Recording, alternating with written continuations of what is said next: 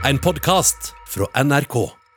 Nå derimot er det fredagspanel, og eh, vi ønsker velkommen eh, kommentator Inger Merete Hobbelstad i Dagbladet, Susanne Kulitza, direktør for eh, Litteraturhuset i Oslo, og forfatter Arne Bergen. God morgen, alle sammen. God morgen. Og La meg begynne med en uforbeholden unnskyldning til deg, Arne Bergen, som har altså fått spørsmålene nå for to minutter siden, all den tid jeg brukte din forrige e-postadresse da jeg sendte ut dem. Jeg er veldig spent på temaene, for de er ikke kommet ennå. Men dette er jo gøy. Ja, dette er gøy. Og hvis det var noen her i Norge jeg skulle være stole på at tok dette på strak arm, så er det deg, Arne Berggren. Ja, det er ja på første. ja, på første. La meg ta spørsmålet først, for sikkerhets skyld. I Frankrike kan foreldre som presser eh, frem barna sine som influensere på nett, få opptil fem års fengsel. En ny lov skal hindre at barna blir utnyttet. Barneombudet her i Norge mener vi trenger en gjennomgang av vårt eget regelverk, men vårt spørsmål er Bør vi gjøre det i Norge også, gi fengselsstraffer for foreldre som utnytter barna sine for å tjene penger? Arne Berggren?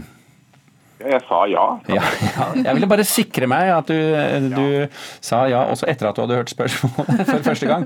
Ja, alltid ja på første. ja. Inger Merete. Nei. Susanne. Ja. Ja, Da skal du få lov til å ta motstemmen først, Inger Merete Hobbelstad. Ja. Eh, nei, altså jeg tenker at det innebærer en ganske voldsom kriminalisering. Da, på en måte som både går veldig langt og, og ikke minst vil være ganske vanskelig å håndheve. Eh, for man er jo et univers der noe av det som karakteriserer det, er at det er veldig mange glidende overganger. ikke sant? Det er jo det på en måte influensere lever av i stor grad. Når er de privatpersoner, når er de kommersielle aktører? Eh, og noe av det som gjør det vanskelig å, å, å regulere. Og jeg syns for øvrig også at det er ganske mange foreldre som gjør ganske bekymringsfulle ting med barna sine på internett, altså uten at det er kommersielle interesser involvert, men altså som utleverer dem på måter som jeg kan godt tenke meg at mange ikke kommer til å være så glad for i ettertid. Men at, at barns personvern generelt trengs, trengs, å styrkes i disse sammenhengene, det tror jeg absolutt stemmer. Og at det trengs, som det ble sagt der, en gjennomgang av regelverk, og, som de også har gjort i Frankrike, altså større mulighet til å få fjernet dette fra forskjellige plattformer fra barns side når de, når de blir litt eldre. Men jeg tror nok at det er veien å gå før man begynner å kaste folk i kasjotten. Mm. Susanne, dette er da, siden du svarte det motsatte, noe du ikke er enig i? Eh, altså jeg mener jo at det er ganske få glidende overganger når det kommer til å gjøre barn til influensere på, på, sosiale medier, sånn som eh, den franske loven viser til. I Norge så er det ganske enkelt. Hvis det er noe du har betalt for å poste, så skal det merkes som reklame. Eh, og vi ser jo det at det er eh, ganske mange som pusher fram barna sine for å eh, reklamere for ting på sosiale medier. Ehm, og så er det jo sånn at vi har faktisk egentlig et regelverk mot dette i Norge fra før av. Fordi arbeidsmiljølovens paragraf 11 den forbyr barnearbeid unntatt for kulturelt arbeid. Du kan si hva du vil, men å selge inn Nestlé sin nye minigrøt med fullkorn og quinoa, det er ikke akkurat kulturelt arbeid. Så her tenker jeg egentlig at hvis vi eh, ser på den presiseringen i loven og, de, eh, og, og, og, lager en forskrift, så vil vi egentlig være ganske langt på vei. Og så må det jo sies at det, det, skal ganske langt også i Frankrike før man blir kastet i fengsel. Mm. Eh, men, det en, men, det handler om å få en, en regulering. Mm. Arne Berggren, er du enig med deg selv nå som du har uh, fått tenkt deg litt om? Jeg er jo enig med begge to. Altså, sånn at, eh, nei, jeg, jeg, jeg, mener jeg er veldig for alt som er reguleringer og sånn på internett og sånn generelt. Altså, min, min, sånn, min sånn, uh, refleks er med en gang flott med reguleringer. Men det er klart at uh, det er fem år i kasjotten er veldig mye. Men, uh, men uh, jeg syns det er bra alt man regulerer på internett. Det er kanskje ikke det viktigste stedet å begynne. Det er liksom sånn ting, det, liksom, det, det, roper om regulering på helt andre ting og kanskje viktigere ting på internettet akkurat nå. Men, eh, Som f.eks. hva da? Nei, Jeg tenker på alt som har med fake news, misinformasjon å gjøre, trakassering uh, altså det, er, så mye annet man burde stått tak i makten til de store selskapene osv. Som, som er så mye mer alvorlig, hvor EU nøler og ikke tør å kline helt til. Men man begynner å se at man sakte, men sikkert går i riktig retning og regulerer og, og bruker lovanvendelse og sånt noe. Men, eh, men, jeg heier på alt det som er på en måte myndigheter som prøver å regulere ting. alt som foregår på internett. Du, du, er i ferd med å skli over i neste poeng, men det er, det er to stykker her i studio som ønsker en replikk. Altså, det er jo mange ting eh, som, eh, som, vi kan gjøre bedre på internett. Det betyr jo ikke at ikke barns personvern er viktig, og at ikke det å få på plass noen bedre reguleringer I, altså, I Norge har vi jo ingen som blir håndhevet i det hele tatt. Ehm, for å, for å, sikre at barn kan føle seg trygge på å ha et personvern i sitt eget hjem. Eh, det tenker jeg er ganske viktig. Men eh, nå er jeg også eh, en som tok initiativ til Sunn fornuft-plakaten, nettopp for å lage noen retningslinjer for bloggere for noen år siden. Så jeg er kanskje i overkant opptatt av denne tematikken. Eh, nå kan jeg for øvrig si at Det er vel ikke helt riktig at barn ikke brukes i reklame. Altså hvis du ser reklamer du er for Freia eller for Grandiosa eller for ting som er rettet mot familien, så ser du jo barn i reklamesammenhenger hele tiden. Men, men er, da er det ikke deres privatliv som brukes, ikke sant? Da, da, er du filmet i en setting, mens nå er du nettopp hjemme på ditt eget barnerom. Ja, men, det var, ja, men det var mest for å illustrere at her er det liksom mange måter eh, som på en måte familier brukes på i, i kommersielle øyemed, men at det selvfølgelig er tvilsomt og vanskelig på mange måter. Det er jo sant, Og det at kommersielt innhold skal merkes, eh, slik at de blir litt mindre glidende, disse overgangene, det tror jeg vi kan være helt enig i. Spørsmål nummer to. Det pågår en kamp nå om sannheten på sosiale medier. Sosiale medier brukes for å spre falske nyheter og konspirasjonsteorier. Men de samme sosiale mediene de er i økende grad ubekvemme med å være budbringere på sånne ting. Så sist ute nå denne uken, Twitter og Facebook begrenset muligheten til å spre en New York Post-artikkel om Joe Biden, hans sønn og en ukrainsk forretningsmann. Så vårt spørsmål i dag er er det bare positivt at sosiale medier redigerer tjenestene sine på denne måten? Nei. Nei. Arne Bergen. Nei. Hva er ditt argument, Arne? Nei, det, det er en suppe av uh, altså, På den ene side så ønsker man jo at uh, Facebook og Twitter og disse skal agere mye mer hardere mot fake news, mot uh, politisk påvirkning osv. Samtidig så så blir de mer og mer en mediebedrift med et veldig uklart sensuransvar. Jeg, jeg syns det er dritvanskelig, eh, rett og slett. Men man, man får en sånn uh, guffen følelse av at uh, Twitter og Facebook nå desperat begynner å sensurere, for de ser at det kanskje blir et politisk skifte i Washington. Uh, og de begynner å forberede seg på straffetiltak og sånne ting. Så det er veldig opportunistisk og veldig raskt, og det er uklare retningslinjer. Så jeg, jeg syns det ja, det er fint at de begynner å, å, å, å, gjøre noe. Samtidig så virker det desperat og ekstremt opportunistisk, og uten at noen helt forstår hva de agerer på, hva de ikke agerer på. Altså, dette er jo en kjempevanskelig diskusjon. der jeg tenker at Det finnes ikke noen sånn åpenbart gode løsninger. for Det er klart det er et kjempestort problem at usannheter og konspirasjonsteorier sprer seg via sosiale medier. Sosiale medier er spesielt velegnet for det. altså Det er jo noe med disse algoritmene som gir deg mer av det du allerede har klikket på. ikke sant? Som gjør at hvis du først har falt ned i det, sånne kaninhull, så kommer det mer og mer og mer av samme type desinformasjon. da. Eh, og Vi har jo sett det siste tiden at konspirasjonsteorier som QAnon og sånn har spredt seg som liksom eh, skogbranner. ikke sant? Nettopp på grunn av, av, eh, sånne mekanismer.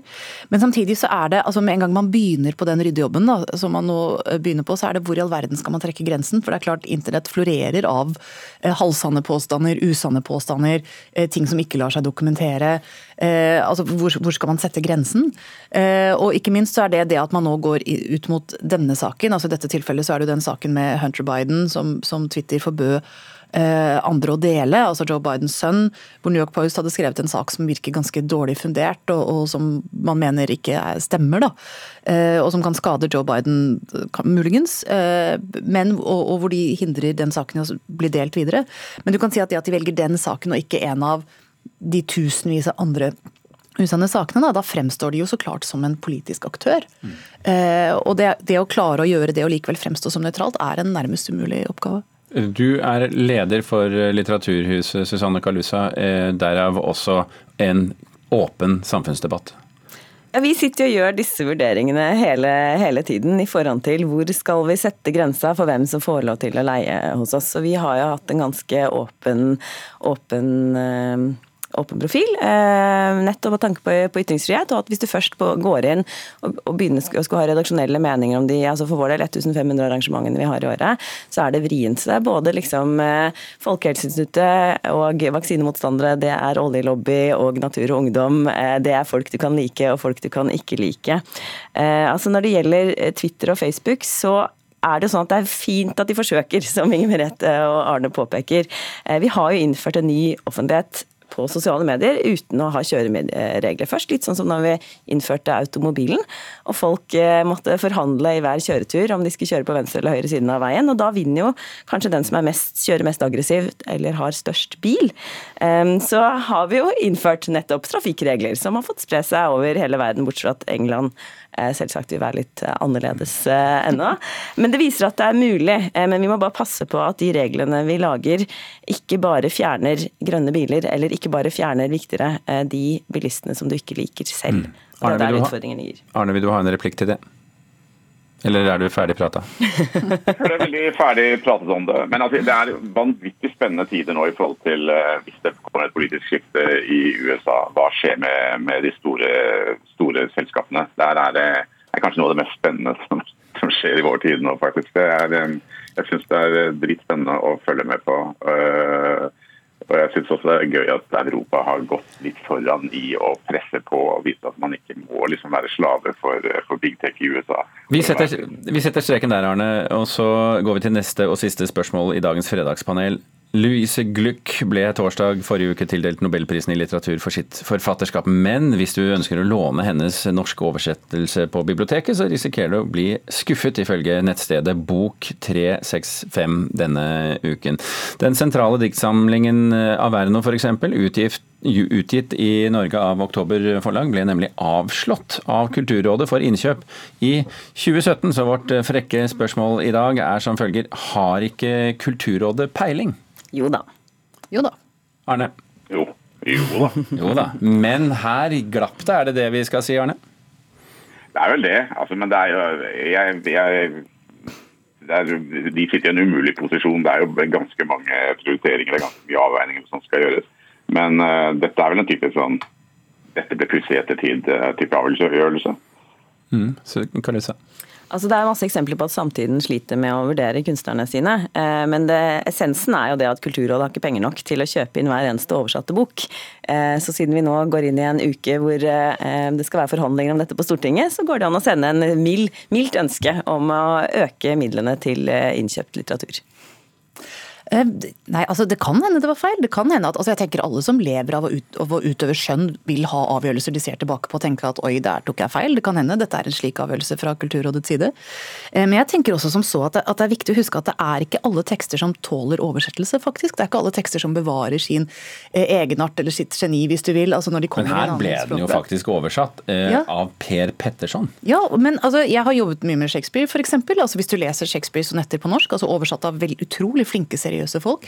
Men det er noe med de tekstene som er så spesifikt engelske at det er noe som går tapt i oversettelse, samme hvor eh, flinke og, og, samvittighetsfulle folk har vært til å gjendikte dem. Da. Så det er rett og slett ikke sikkert at verket er det samme eller oppleves, eh, oppleves likt eh, når de blir forlagt den oversettelsen, selv om den er veldig samvittighetsfullt eh, Men Arne Berggren, gitt det at dere er så enige i dette spørsmålet, er du ikke likevel interessert i å få se vurderingene til Kulturrådet, som da altså ikke offentliggjøres? Jo, definitivt. Og jeg syns at alt som gjelder nulling og alle stipendgreier, alltid denne litterære, litt mystiske halvoffentligheten bør være tilgjengelig for alle som man kan søke til. Definitivt. Jeg tenker også det er klokt. Ja, det ville vært interessant nå å gå inn i den, men jeg tenker også at det er, det er, ja, det er litt lov å ha en dårlig dag på jobben også. Dessverre har vi alle det iblant. Jeg har ikke vært fri for dem, og det har nok ikke Kulturrådet heller. Og Der gir det meg en fin utgang til eh, å avslutte dette fredagspanelet. For apropos dårlig dag på jobben, for de som er nye lyttere, jeg klarte altså å rote bort spørsmålene, slik at Arne Bergen ikke fikk dem før to minutter før sending. Og jeg må si, Arne, du er eh, en sporty type som stiller opp likevel. Tusen takk skal du ha for at du var med i Fredagspanelet. Takk også til Inger Merete Hobbelstad og Susanne Kalutza.